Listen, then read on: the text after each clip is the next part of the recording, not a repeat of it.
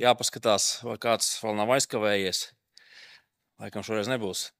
Sirsnīgs sveiciens pievienojas Andra sveicienam šajā pavasarīgajā svētdienā. Tiešām laikam pavasaris ir atnācis. Arī skatoties laika ziņu prognozē, nākamajā nedēļā izskatās, ka saglabāsies tāds siltāks laiks. Šajā dienā mēs turpināsim iet cauri mūsu nelielajai sprediķu sērijai par to, kā žēlastība veido mūsu kristīgo dzīvi. Tad es aicinu, ka mēs varētu vērt vaļā Pāvila vēstuli romiešiem un lasīsim no 14. nodaļas, pirmos 12 pantus. 14. nodaļa no 1 līdz 12 pantam.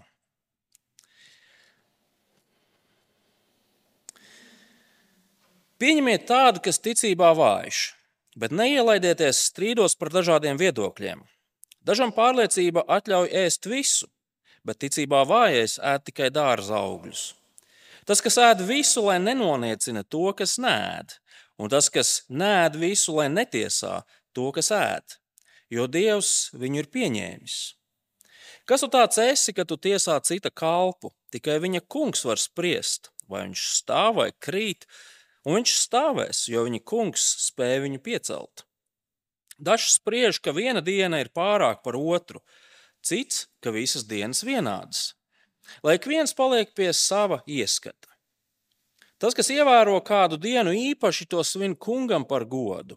Arī tas, kas sēž, to dara kungam par godu, jo viņš pateicas dievam. Un arī tas, kas visu nēd, atturas kungam par godu un pateicas dievam. Neviens no mums nedzīvo sev pašam, un neviens nemirst sev pašam. Jo, ja dzīvojam, mēs dzīvojam kungam, Un, ja mirstam, mēs mirstam kungam. Tā tad vai nu dzīvojam, vai mirstam, mēs piedaram kungam. Tādēļ jau Kristus nomira un tāpat dzīves, lai valdītu pār dzīviem un mirušiem. Kādēļ tu tiesās savu brāli? Un kādēļ tu noniecini savu brāli? Mums visiem būs jāstājas Dieva soļa krēsla priekšā, jo ir rakstīts: Tik tiešām es dzīvoju, saka kungs, manā priekšā visi ceļi locīsies, un visas mēlis apliecinās Dievu. Tā nu ik viens no mums dos Dievam norēķinu par sevi. Tas ir Dieva vārds. Amen. Pirms mēs pārdomājam šo raksturvietu, lūgsim, lai, lai Kunga gars mums arī palīdz saprast to, ko viņš caur apakstulu Pāvilu ir mums nodevis. Dievs, tavs vārds ir saldāks par medu. Tas ir dārgāks par vistīrāko zeltu. Tas mums atklāja tevi un tavus labos nodomus. Un tādēļ mēs lūdzam, palīdzi mums šajā pēcpusdienā tavu vārdu pārdomājot. Lai tas spirdzina mūsu iekšējo cilvēku, lai tas mūs pamāca, lai tas paskubina mūsu dievbijīgu dzīvošanu, tā kā taviem ļaudīm pieklājas. Tēvs pasarg mūs arī visus šajā pēcpusdienā no, no pēcpusdienas naudas, miegainības, un palīdz arī man šodien runāt skaidri, bet pats galvenais - uzticīgi tam, ko Tavs vārds māca. Āmen! Nu, lasījumu es pieņemu, jūs jau uzreiz sapratāt, ka šajā dienā mēs esam aicināti domāt par citādāk domājošu, jeb atšķirīgu cilvēku pieņemšanu. 14. nodaļa sākās ar skaidru pavēli: pieņemiet. Un arī tālāk šajā nodaļā, to, ko mēs lasījām, Pāvils mudina nenicināt, netiesāt. Un patiesībā visa 14. nodaļa, arī nākamā svētdiena, un arī 15. nodaļas um, pirmā puse runā par šo jautājumu, par pieņemšanu. Citādā pieņemšanu. Un, ja gribat, šīs pusotras nodaļas, tā galvenā doma vienā teikumā, manuprāt, labi ir izteikti 15. nodaļas 7. pantā, kur mēs lasām, tādēļ pieņemiet cits citu, kā arī Kristus mūs ir pieņēmis Dievam par godu. Draugi, mēs dzīvojam laikā, kad atšķirīgā pieņemšana, iekļaušana, netiesāšana, tie visi ir tie lielie atslēgas vārdi. Pareizi. Iekļaujoša sabiedrība, iekļaujoša vide, iekļaujoša skola, iekļaujoša uh, darba vide. Un ar to parasti tiek saprasts, ka mums ir jāpieņem un jāatbalsta jebkādi uzskati. Jebkāda pārliecība, jebkāda orientācija, jebkādas reliģijas pārstāvji. Un skaidrs, ka ir jābūt draudzīgiem un ir jābūt pieklājīgiem. Taču realitātē reizēm cilvēki patiesi pamatot saka, ka nekas nav tik netolerants kā mūsdienu tolerance. Bet tā tēma, um, par to tēmu mēs runāsim kādā citā reizē. Citādi es te lieku uzvilkšos, un tas nenāks pa labi nevienam no mums. Bet ko tieši Pāvils domāja ar pavēli pieņemiet? Pieņemiet. Andris jau dievkalpojuma ievadā teica, vai precīzāk sakot, mudināja mums paskatīties uz to, kas mēs esam draudzē. Un patiesi, paskatoties apkārt uh, uz, uz klātesošajiem, jūs tā ar acu kaktiņu to varat izdarīt, uh, pārāk galvas negrozot. Esam tomēr latvieši. Uh, bet mēs redzētu seniorus, kuri ir piedzīvojuši dažādus laikus un dažādas lietas. Mēs redzētu jauniešus, kuri mēģina saprast, ko vispār ar dzīvi darīt, kur iet mācīties, par ko kļūt. Tāpat mēs redzam, nu, šobrīd gan nē, bet veselu teikt, bezbēdīgu bērnu bariņu, kuriem Viss vienmēr ir kārtībā līdz brīdim, kamēr nekas vairs nav kārtībā. Mēs šeit redzam dažna, dažādu profesiju pārstāvjus, mēs šeit redzam cilvēkus ar dažādām izglītībām un pieredzēm. Mēs šeit redzam cilvēkus, kuri ir gājuši cauri nu, tiešām sūriem un grūtiem laikiem. Un šeit mēs redzam cilvēkus, kuri vispār varbūt tādas sarežģītas lietas savā dzīvē pa īstām nav piedzīvojuši. Tāpat mēs, mūsu vidū ir dažādi tautību cilvēki un tā tālāk un tā joprojām. Un, draugi, tas viss šīs atšķirības nozīmē vienu lietu. Mēs uz savu dzīvi, uz pasauli, uz realitāti un arī uz savu kristīgo ticību kaut kādā ziņā raudzīsimies tomēr atšķirīgi. Un, lai gan šī dažādība īstenībā ir forša, tā nav nekas slikts. Mēs varētu pat teikt, tā ir ļoti vērtīga lieta, ka mēs esam tik dažādi. Tā nozīmē arī to, ka pastāv liela iespēja pārpratumiem. Pareizi. Tur, kur ir dažādība, tur pārpratumi tepat ap stūri, konfliktiem, nesaskaņām, kaut kādiem kašķiem, bēdām, aizvainojumiem. Un tas viss kopā ņemts var novest pie tā, ka tā jaukā draudzes vienotība kaut kur var sākt šķobīties un ļodzīties. Un tas savukārt apdraud draudzes lielo mērķi draudzes misija šajā pasaulē. Kas ir draudzes misija? Draudzes misija šajā pasaulē ir sludināt par kungu Jēzu Kristu. Lai daudzus, jo daudzus cilvēkus vestu Pāvila vārdiem, izsakoties pie ticības paklausības viņam. Vienotība ir ārkārtīgi svarīga. Vienotība starp dažādiem atšķirīgiem cilvēkiem ir ārkārtīgi svarīga. Un tādēļ šīs dienas raksturvietā Pāvils mēs redzam uzrunā divas cilvēku grupas. Viņš viņus apzīmē ar, ar tādiem varbūt līdz galam nesaprotamiem sākotnēji vārdiem, eh, ticībā vāji un ticībā stiprie. No konteksta ir skaidrs, ka abas šīs cilvēku grupas ir simtprocentīgi kristieši. Viņi ir brāļi un māsas, viņi, viņi tic Kristum, viņi seko Kristum, viņu ticība ir īsta, viena nav labāka par otriem, un to ir svarīgi saprast. Jo reizēm mēs dzirdam vārdu vājais vai stiprais, un mums uzreiz sāka, sākās kaut kādas gradācijas, un, un kas nu tur vēl nē. Nē, šie ir, šie ir reāli kristieši. Taču vienlaikus pastāv kaut kādas atšķirības starp šīm divām grupām. Un mēs no teksta pavisam ātri ieraugām to, ka ticībā vājie, tie, kas pieder šai cilvēku grupai, viņi pieturējās pie dažādiem ēšanas ieradumiem aizliegumiem un ierobežojumiem. Viņi pieturējās pie, pie uzskata, ka ir kādas īpašas dienas, kas ticīgam cilvēkam ir jāievēro. Savukārt, ticībā stiprie, viņiem nebija nekāda šāda veida ierobežojuma. Tātad runa ir nevis par ticību kā tādu, lielāka ticība vai mazāka ticība, stiprāka vai vājāka, bet par, gan par konkrētām lietām, kā šī ticība tiek ikdienā demonstrēta un izdzīvota. Un no konteksta mēs varam droši teikt, ka visticamāk šie ticībā vājie kristieši, kas atradās Romas mājas draudzēs, bija jūdu izcelsmes kristieši. Jūdi jau no mazotnes un gadsimtiem ilgi uh, bija praktizējuši dažādas ierobežojumus, uh, galvenokārt, lai sevi nošķirtu no apkārtējām tautām un tādējādi saskaņā ar veco darību pagodinātu savu dievu. Un tā vien izskatās, ka lai arī Kristus patiešām ir viņu kungs un glābējs, joprojām viņu dzīvē pastāv kādi ierobežojumi, jeb ja pareizāk sakot, ieradumi, kurus viņi nav mainījuši, pie kuriem viņi pieturās. Šajā brīdī Pāvils saka, ēšanas ierobežojumi vai īpašu dienu atzīmēšana. Un ir svarīgi saprast to, ka šie cilvēki to nedara. Tādēļ, lai iemantotu dieva labvēlību, žēlastību, ja tas tā būtu, tad Pāvils atkārtotu galatiešu vēstules teikto. Tur viņš diezgan nopietni vērsās pret cilvēkiem, kuri uzskatīja, ka ticībai Kristum ir jāpieliek klāt visi visādi likumi un noteikumi, lai cilvēks saņemtu glābšanu. Te nav runa par šiem cilvēkiem. Sastais pāns mums ļoti skaidri pasaka, šie cilvēki šīs lietas dara nevis tāpēc, lai iemantotu glābšanu, bet kāpēc skatieties? Viņi to dara, lai pagodinātu Dievu.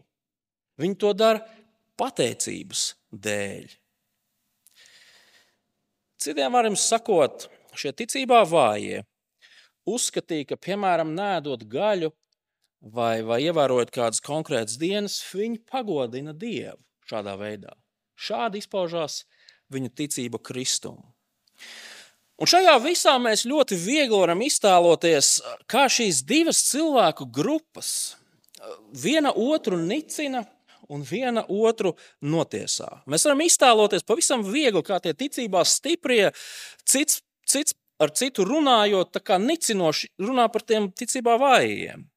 Nu, nu, paskaties uz tiem vegetāriešiem, nu, kuri stingri ievēro sabata dienu. Ak, cik žēl, ka viņi nesaprot to, ka Kristus taču viņus ir atbrīvojis no visām šīm izdarībām, no visiem ierobežojumiem.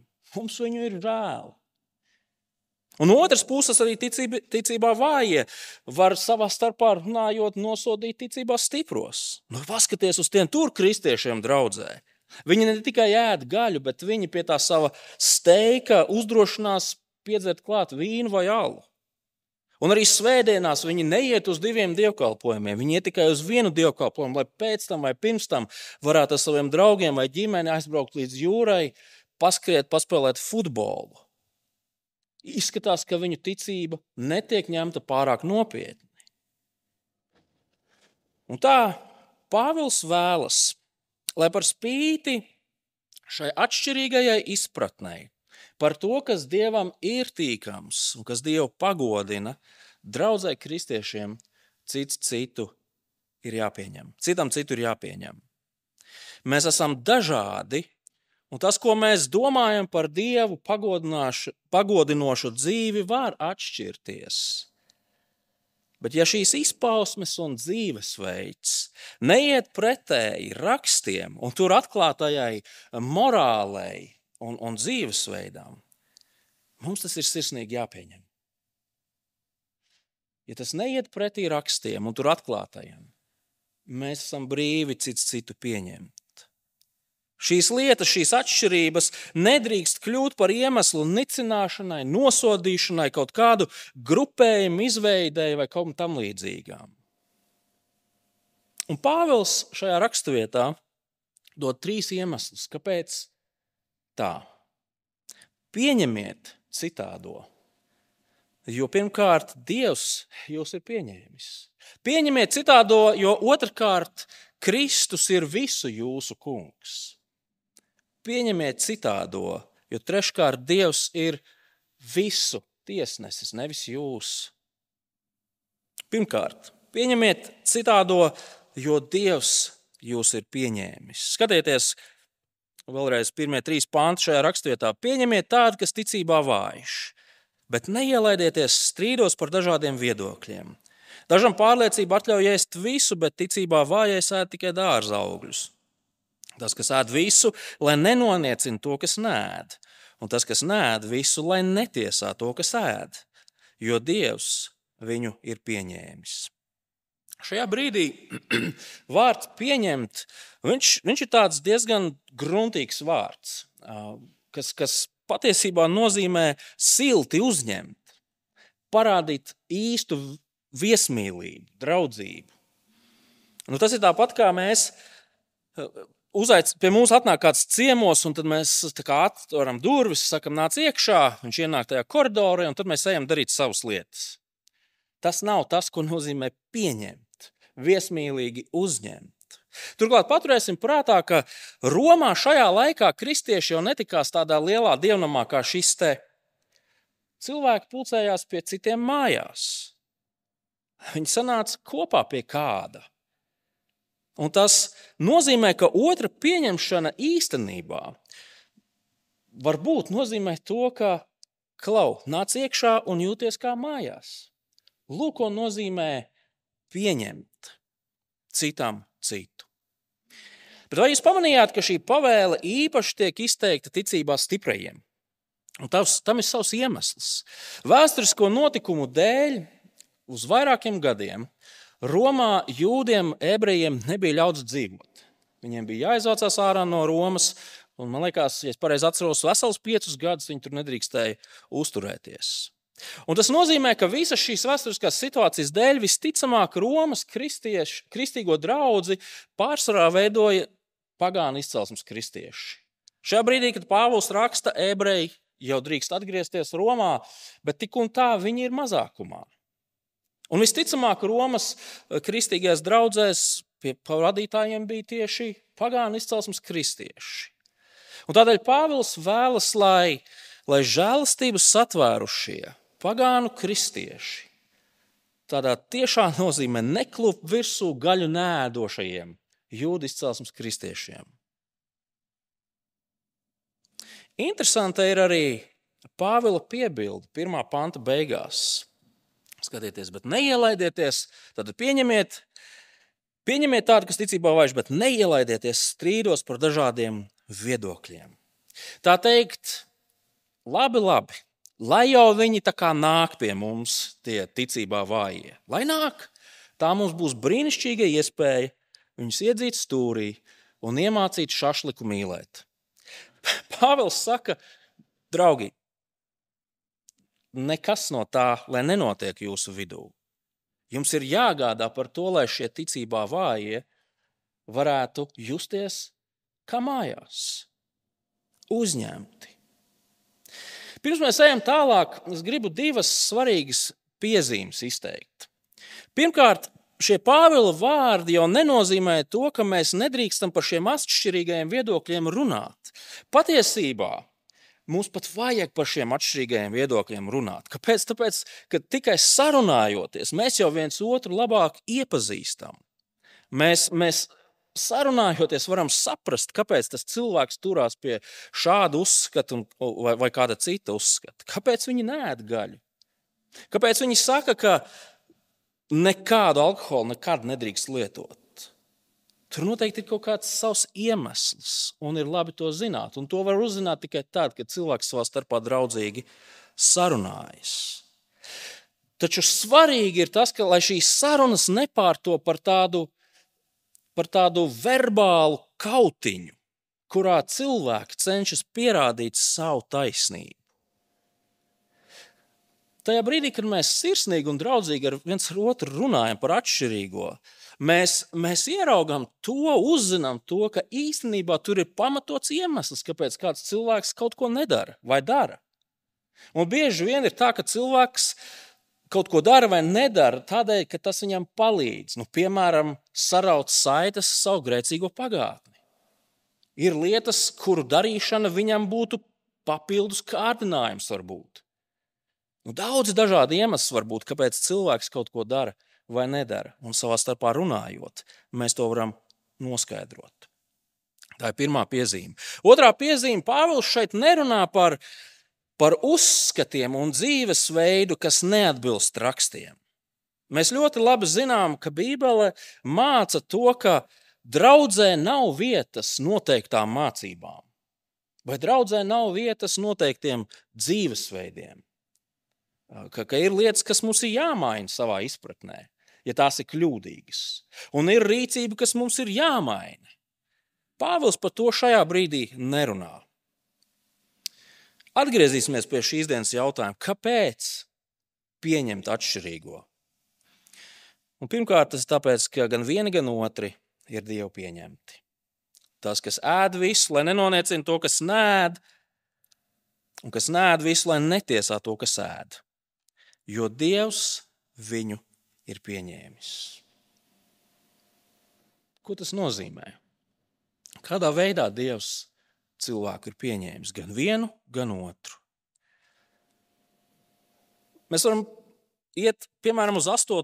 nodaļu Pāvila vēstulē romiešiem, kur Pāvils ļoti skaidri runā, ko tas nozīmē. 8. nodaļa sākas ar to, ka tiem, kas ir Kristū, vairs nav nekādas pazudināšanas. 8. nodaļā Dievs, Pāvils saka, tie ir Dieva bērni. Dievs ir par viņiem, ar viņiem. Dievs viņus ir attaisnojis, Dievs viņus aizstāv. Nekas un neviens kristieti nevarēs izraut un šķirt no Dieva žēlastības un mīlestības. Kāpēc? Tāpēc, ka Dievs šos cilvēkus ir pieņēmis, atdodams pats savu dēlu par viņiem. Lūk, kā Dievs demonstrē neapgāžamos, stingros faktos, ka šie cilvēki ir viņa pieņemti. Un tieši tāpēc ka Dievs ir šādi viņus pieņēmis. Nenicini un netiesā to, kur Dievs ir pieņēmis. Tikai tādēļ, vien, ka šis cilvēks savu ticības pārliecību demonstrē ar kādu lietu darīšanu vai nedarīšanu, otršķirīgu lietu darīšanu vai nedarīšanu. Dievs viņu ir pieņēmis. Par ko tu vēl domā? Kāpēc tu viņu nepieņem? Tāpēc, ka viņš gaļu nēd. Vai tāpēc, ka viņš svētdienai tik string, stingri pieiet? Dievs viņu ir pieņēmis. Kāpēc tu viņu nepieņēmi? Draugi, tie ir jautājumi, kurus mēs uh, saucam par, par kristīgās brīvības jautājumiem. Proti, šīs ir lietas, kuras kuras rakstos nav atrunātas, kuras nav noteiktas, vai kuras nevar loģiski, likumsakarīgi no rakstiem izsecināt. Mums par šiem jautājumiem nevajadzētu vienam otru nicināt. Ja raksti nav skaidri pateikuši, kā vienā vai citā lietā būtu jārīkojas, vai vienu vai citu lietu būtu jādara. Redziet, tiesāšana pati par sevi jau nav nekas negatīvs tas izklausās negatīvi, un mēs šo vārdu tā, tā lietojam ar tādu negatīvu nozīmi. Bet tiesāšana pašos pamatos nozīmē, ka mēs izsakām spriedumu par kaut ko. Noliekot šo, šo rīcību vai šo uzskatu līdzās standartam. Mēs noliekam to līdzās standartam un mēs izsakām spriedumu, vai tas atbilst vai neatbilst standartam. Tam, ko Dievs savā vārdā ir atklājis. Taču ir tādas lietas, kuras Dievs nav aizliedzis vai no, eh, skaidri noteicis, un šajās lietās mums ir brīvība. Mums ir kristīga brīvība. Un šajās lietās mēs cits citu esam aicināti netiesāt un nenicināt. Tā vietā mums ir, mums ir jāgādā par to, lai, lai cilvēks, kurš dara šīs lietas, jau uzskata, ka tas ir veids, kā viņš pagodina savu glābēju, lai viņš jūtas pieņemts. Un tieši tāpat arī otrādi. Lai cilvēks, kurš kādas lietas nedara, kuras es varbūt daru, tās kristīgās brīvības lietas, viņš nedara tāpēc, ka viņš zina, ka Dievs tiek pagodināts citādā veidā, nevis caur šo lietu darīšanu, piemēram, lai arī viņš jūtas pieņemts.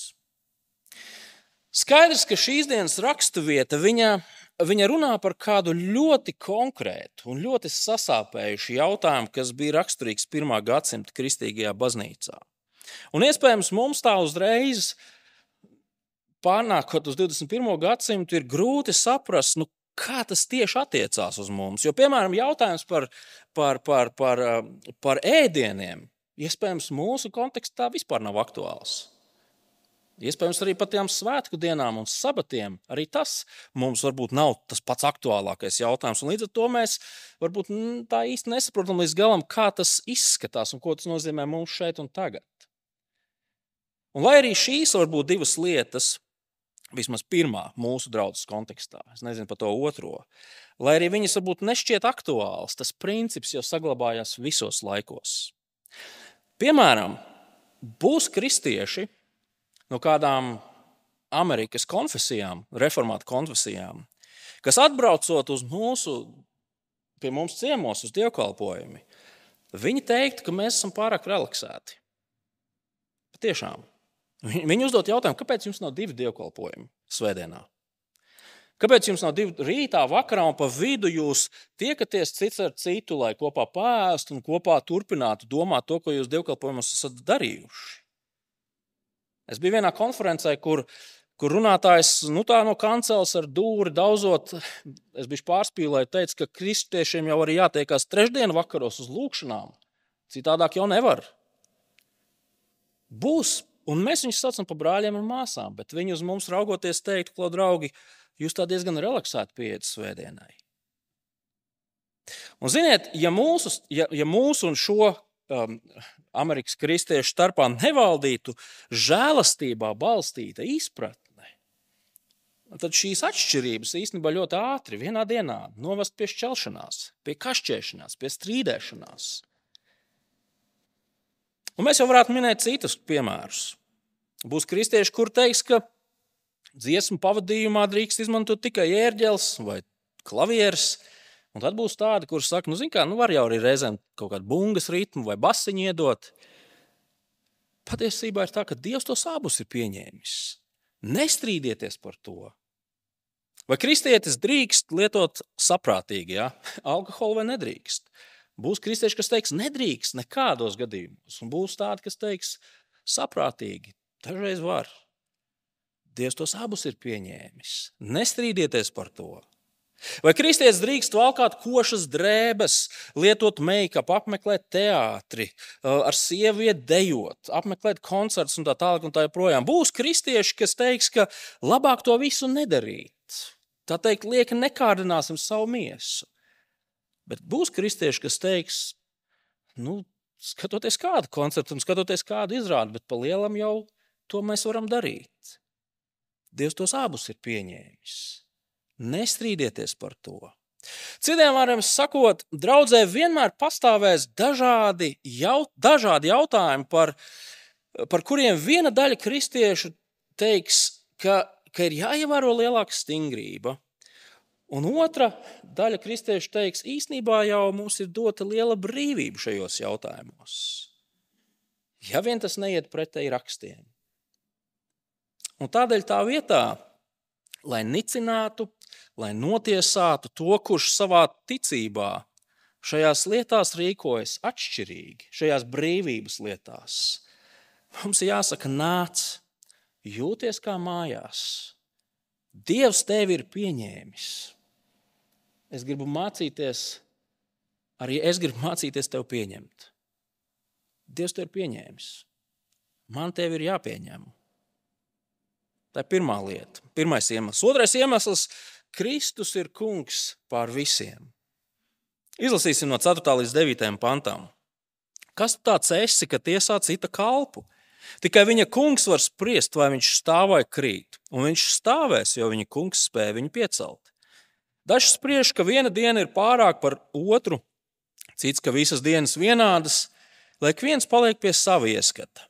Tas, kas ievēro kādu dienu īpaši, to svin kungam par godu. Arī tas, kas ēd, to dara kungam par godu, jo viņš pateicas dievam. Un arī tas, kas nēd visu, atturas kungam par godu un pateicas dievam. Neviens no jums nedzīvo sev pašam, un neviens nemirst sev pašam, jo, ja dzīvojam, mēs dzīvojam kungam, un ja mirstam, mēs mirstam kungam. Tā tad, vai nu dzīvojam, vai mirstam, mēs piedarām kungam. Tādēļ jau Kristus nomira un tapa dzīves, lai valdītu pār dzīviem un mirušiem.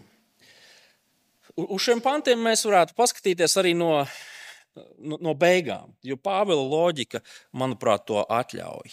Pāvils saka, draugi, Kristus nāca uz šīs zemes, lai mirtu un augšām celtos. Kāpēc viņš to darīja? Lai izveidotu, lai dāvātu glābšanu un izveidotu sev, sev tautu, sev, sev pavalsniekus, lai, viņus, lai šos glābtos cilvēkus padarītu par saviem ļaudīm. Kristus ir valdnieks pār visu pasauli un ikvienu cilvēku. Un, savukārt no tā izriet tas, ka mēs piedaram viņam. Ja mēs dzīvojam, mēs dzīvojam viņam. Ja mēs mirstam, mēs mirstam viņam. Tā ir svarīga doma. Jo Kristus nav tikai mūsu glābējs, viņš ir arī mūsu valdnieks. Viņš ir mūsu kungs. Šīs nedēļas Bībeles studiju grupiņā mēs, mēs nedaudz runājam par to, nu, cik reizēm ir grūti saprast to, ko īsti nozīmē visa šī valdnieku būšana, visa šī valdnieku valoda. Jo mēs taču nedzīvojam monarhijā, nekad neesam dzīvojuši. Mēs dzīvojam demokrātiskā republikā, kur valdību mēs saucam kā, nekādos rupjos vārdos, mēs viņus saucam par tautas kalpiem, pareizi. Taču, ja mēs uz šo valdnieka ideju paraudzītos tā, kā uz to raugās šīs vēstules saņēmēji, kas dzīvoja Romas impērijā, mēs lielo bildi ļoti ātri un ļoti viegli saprastu. Tajā laikā valdnieks bija tas cilvēks, tā persona, kam piederēja zeme, uz kuras tu dzīvoji, kam piederēja viss - meži, upes, ezeri. Valdnieks bija tas, kurš noteica likumu. Valdnieks bija tas, kurš pieprasīja paklausību šim noteiktajam likumam.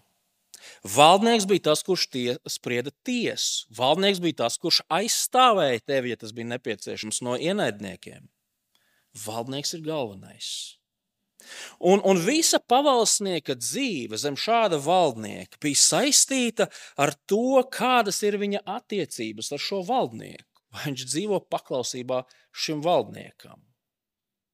Pāvils saka, Jēzus ir valdnieks. Jēzus ir valdnieks pār visiem cilvēkiem, pār visu pasauli. Jēzus ir valdnieks, kurš saviem pavalsniekiem dāvā glābšanu un privilēģijas. Un, lai to panāktu, viņš izdarīja kaut ko tādu, ko neviens valdnieks nekad nedarītu. Viņš deva pats savu dzīvību par saviem pavalsniekiem. Jēzus ir valdnieks, kurš ir darījis zināmus savus likumus un noteikumus saviem ļaudīm. Tie pierakstīti Bībelē. Un viņš sagaida ticības paklausību. Un tāpēc tagad, ar kādām tiesībām tu nicini un nosodi citu kristieti, kurš dara to, ko viņš dara, lai pagodinātu savu valdnieku? Viņš ir pārliecināts, ka viņš šādi pagodina savu kungu. Kāpēc tu nicini vai notiesā šo cilvēku. Draugi, mēs visi piedaram vienam kungam. Mēs visi kalpojam vienam kungam. Mēs visi gribam pagodināt vienu kungu. Mēs visi pateicamies vienam kungam. Viņam pieder teikšana par mums visiem. Un, jā, protams, šī pagodināšana, šī pateicība var izpausties dažādi. Un tādēļ mums, mums ir jāļauj kristiešiem darīt to, ko viņi uzskata uh, par, Dievu pagodinošu lietu. Ļausim to darīt un netraucēsim viņiem to darīt. Uh, ja viņiem liekas, ka nēšana pagodina Dievu, ļauj viņiem nēst. Ja viņi ar pateicību ēd vakariņas un klāt piedzer vīnu, lai viņi piedzer to vīnu. Viss ir kārtībā. Man ir bijušas dažas sarunas ar kristiešiem, kur ir teikuši, ka piemēram viņiem pārliecība neļauj piedalīties dziesmu svētkos. Vai, vai viņiem pārliecība neļauj mājās ienest Ziemassvētku eglīti. To darot, viņi šajās sarunās viņi nenosoda mani, kurš pēdējos gados gan ne, bet agrāk katru gadu mēs ar ģimeni braucām uz Latvijas valsts mežiem pēc tās eglītes. Un, ja ir iespēja, Dažreiz es esmu bijis arī dziesmu svētku koncertos. Bet viņi šīs lietas nedara. Kāpēc? Tāpēc, ka viņi uzskata, ka tas ir veids, kā viņi konkrēti var pagodināt savu kungu un glābēju. Tad kāpēc lai es viņus nicinātu par to, ka viņi nedara tās lietas, kuras es varbūt daru? Es atzīstos, ka kā jauns kristietis, es viņus visticamāk nu, es no pieredzes vilktu ritīgi uz zoba, savukārt par legālistiem, burta kalpiem, kas nav sapratuši žēlastību. Un, ja viņi būtu zaļi, jauni kristieši, viņi visticamāk mani savukārt par nu, tas jau gandrīz pus, pussolis, un viņš ir pilnīgs pagāns. Bet kāpēc gan, lai es to darītu, vai viņi to darītu, ja šī rīcība nav pretrunā ar rakstiem? Viņi ir mani brāļi un māsas. Un nicināšanas un smīkņāšanas vietā mēs viens otram varam teikt, klau, nāc, jūties kā mājās. Šajos kristīgās brīvības jautājumos nekļūsim cits citam par kungiem. Neizdomāsim noteikumus, likumus, ierobežojumus, standartus, kurus Dievs savā vārdā nav minējis. Tā vietā, draug, tā vietā iedrošināsim, uzslavēsim brāli un māsu, kas vēlas dzīvot dievam tīkam dzīvi, kas vēlas ar savu rīcību pagodināt Dievu, kas ar savu uh, uzvedību dzīvo pateicībā Dievam. Mēs visi piedarām vienam valdniekam. Viņam ir teikšana par mums, nevis mums citam par otru, vienam par otru. Un trešais iemesls pavisam īsi - Dievs ir tiesnesis, nevis mēs. Dievs ir tiesnesis. Skatieties no 10 līdz 12 pantam, kādēļ tu tiesā savu brāli un kādēļ tu noniecini savu brāli.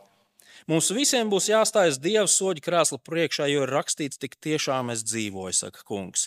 Manā priekšā visi ceļi locīsies, un visas mēlis apliecinās Dievu. Tā nu ik viens no jums dos Dievam norēķinu par sevi.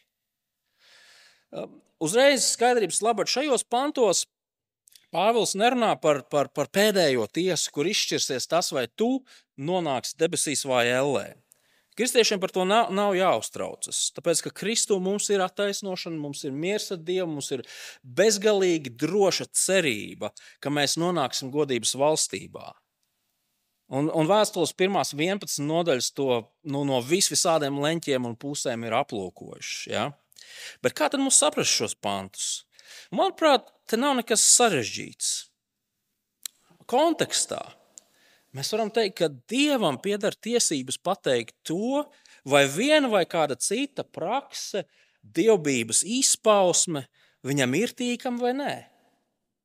Mums nav ar to jānodarbojas.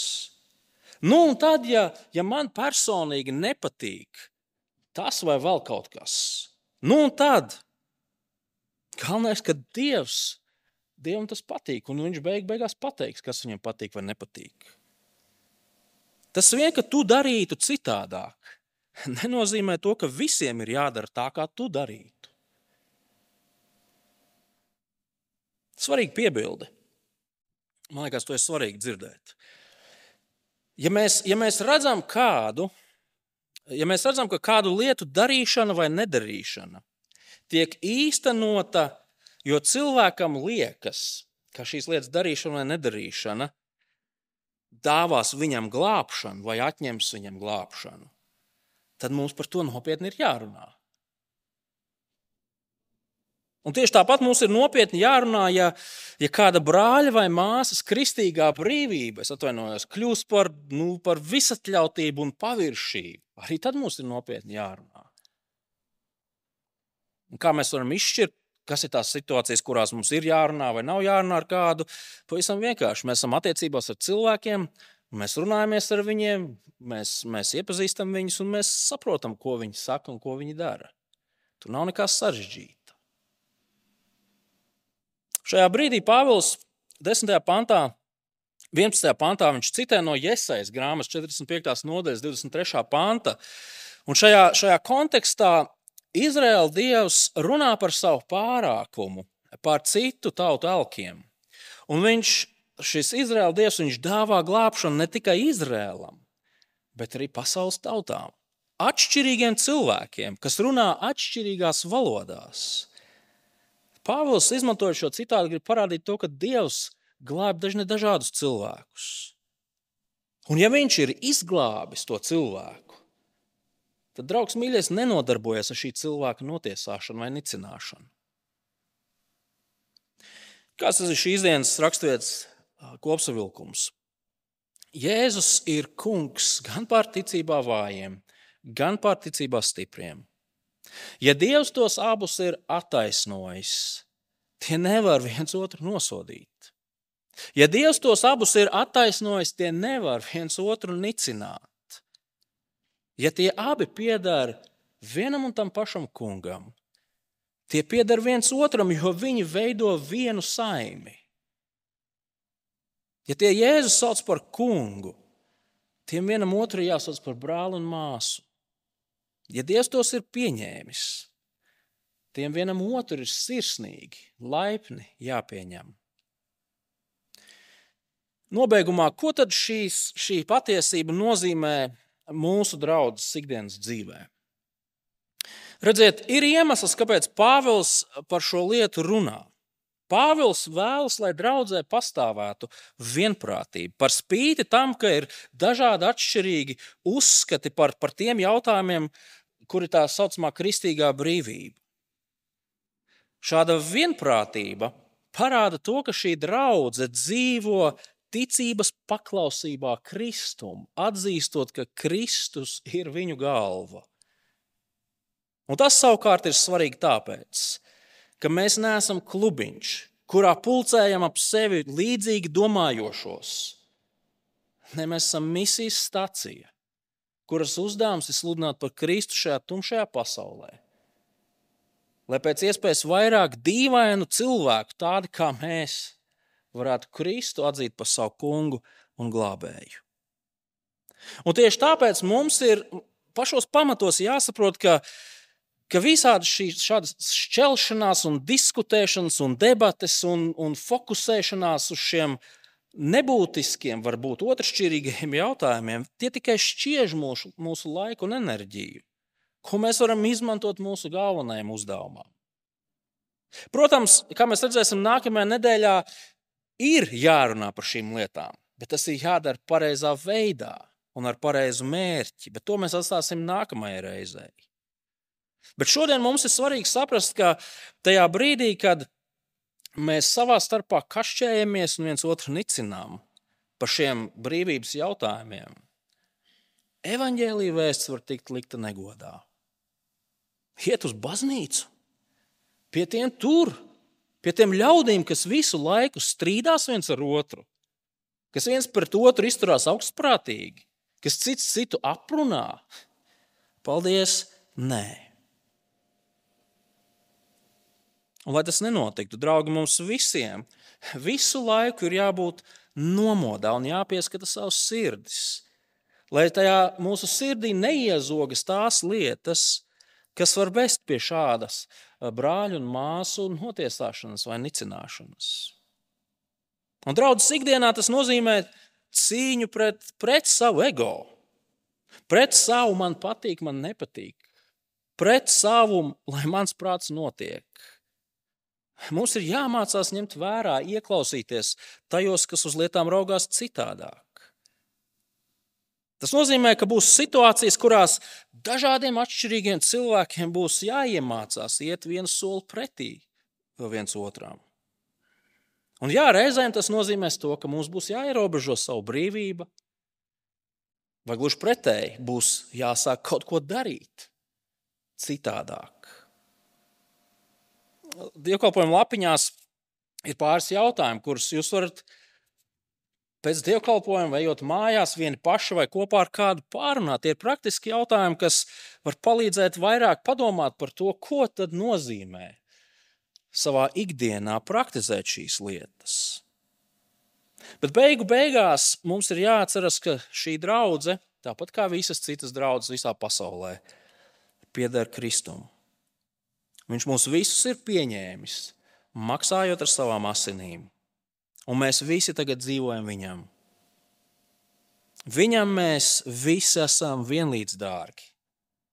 Viņš par mums samaksāja identisku cenu. Tad, lai šī Kristus žēlastība mums palīdz dzīvot tā, lai brāļi un māsas justos kā mājās, kopā ar mums. Un jo vairāk mēs to darīsim, jo vairāk mēs izpratīsim to, kas tad ir tas atšķirīgais. Un jo vairāk mēs to izpratīsim, jo vairāk mēs ieraudzīsim, ka patiesībā mēs esam vienotāki nekā mums varbūt likās. Lūksim Dievu. Debes Tēvs, mēs patiesi pateicamies, ka Tu maksāji tik dārgu cenu, lai glābtu cilvēkus. Cilvēks, kas bija dumpīgi, nepaklausīgi tavi ienaidnieki. Tavam dēlam bija jāmirst, lai draudze varētu dzīvot. Tādēļ mēs lūdzam, Kungs, ka šīs raksturvietas gaismā un šīs brīnišķīgās žēlstības gaismā mēs mācītos cits uz citu raudzīties citādāk. Lai pirms mēs ko sakām, mēs apstātos un padomātu, un tikai pēc tam runātu.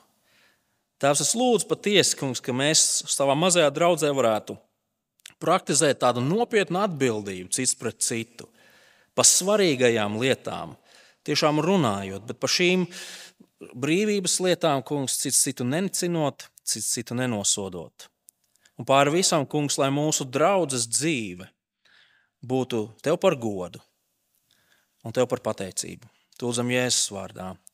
Amen.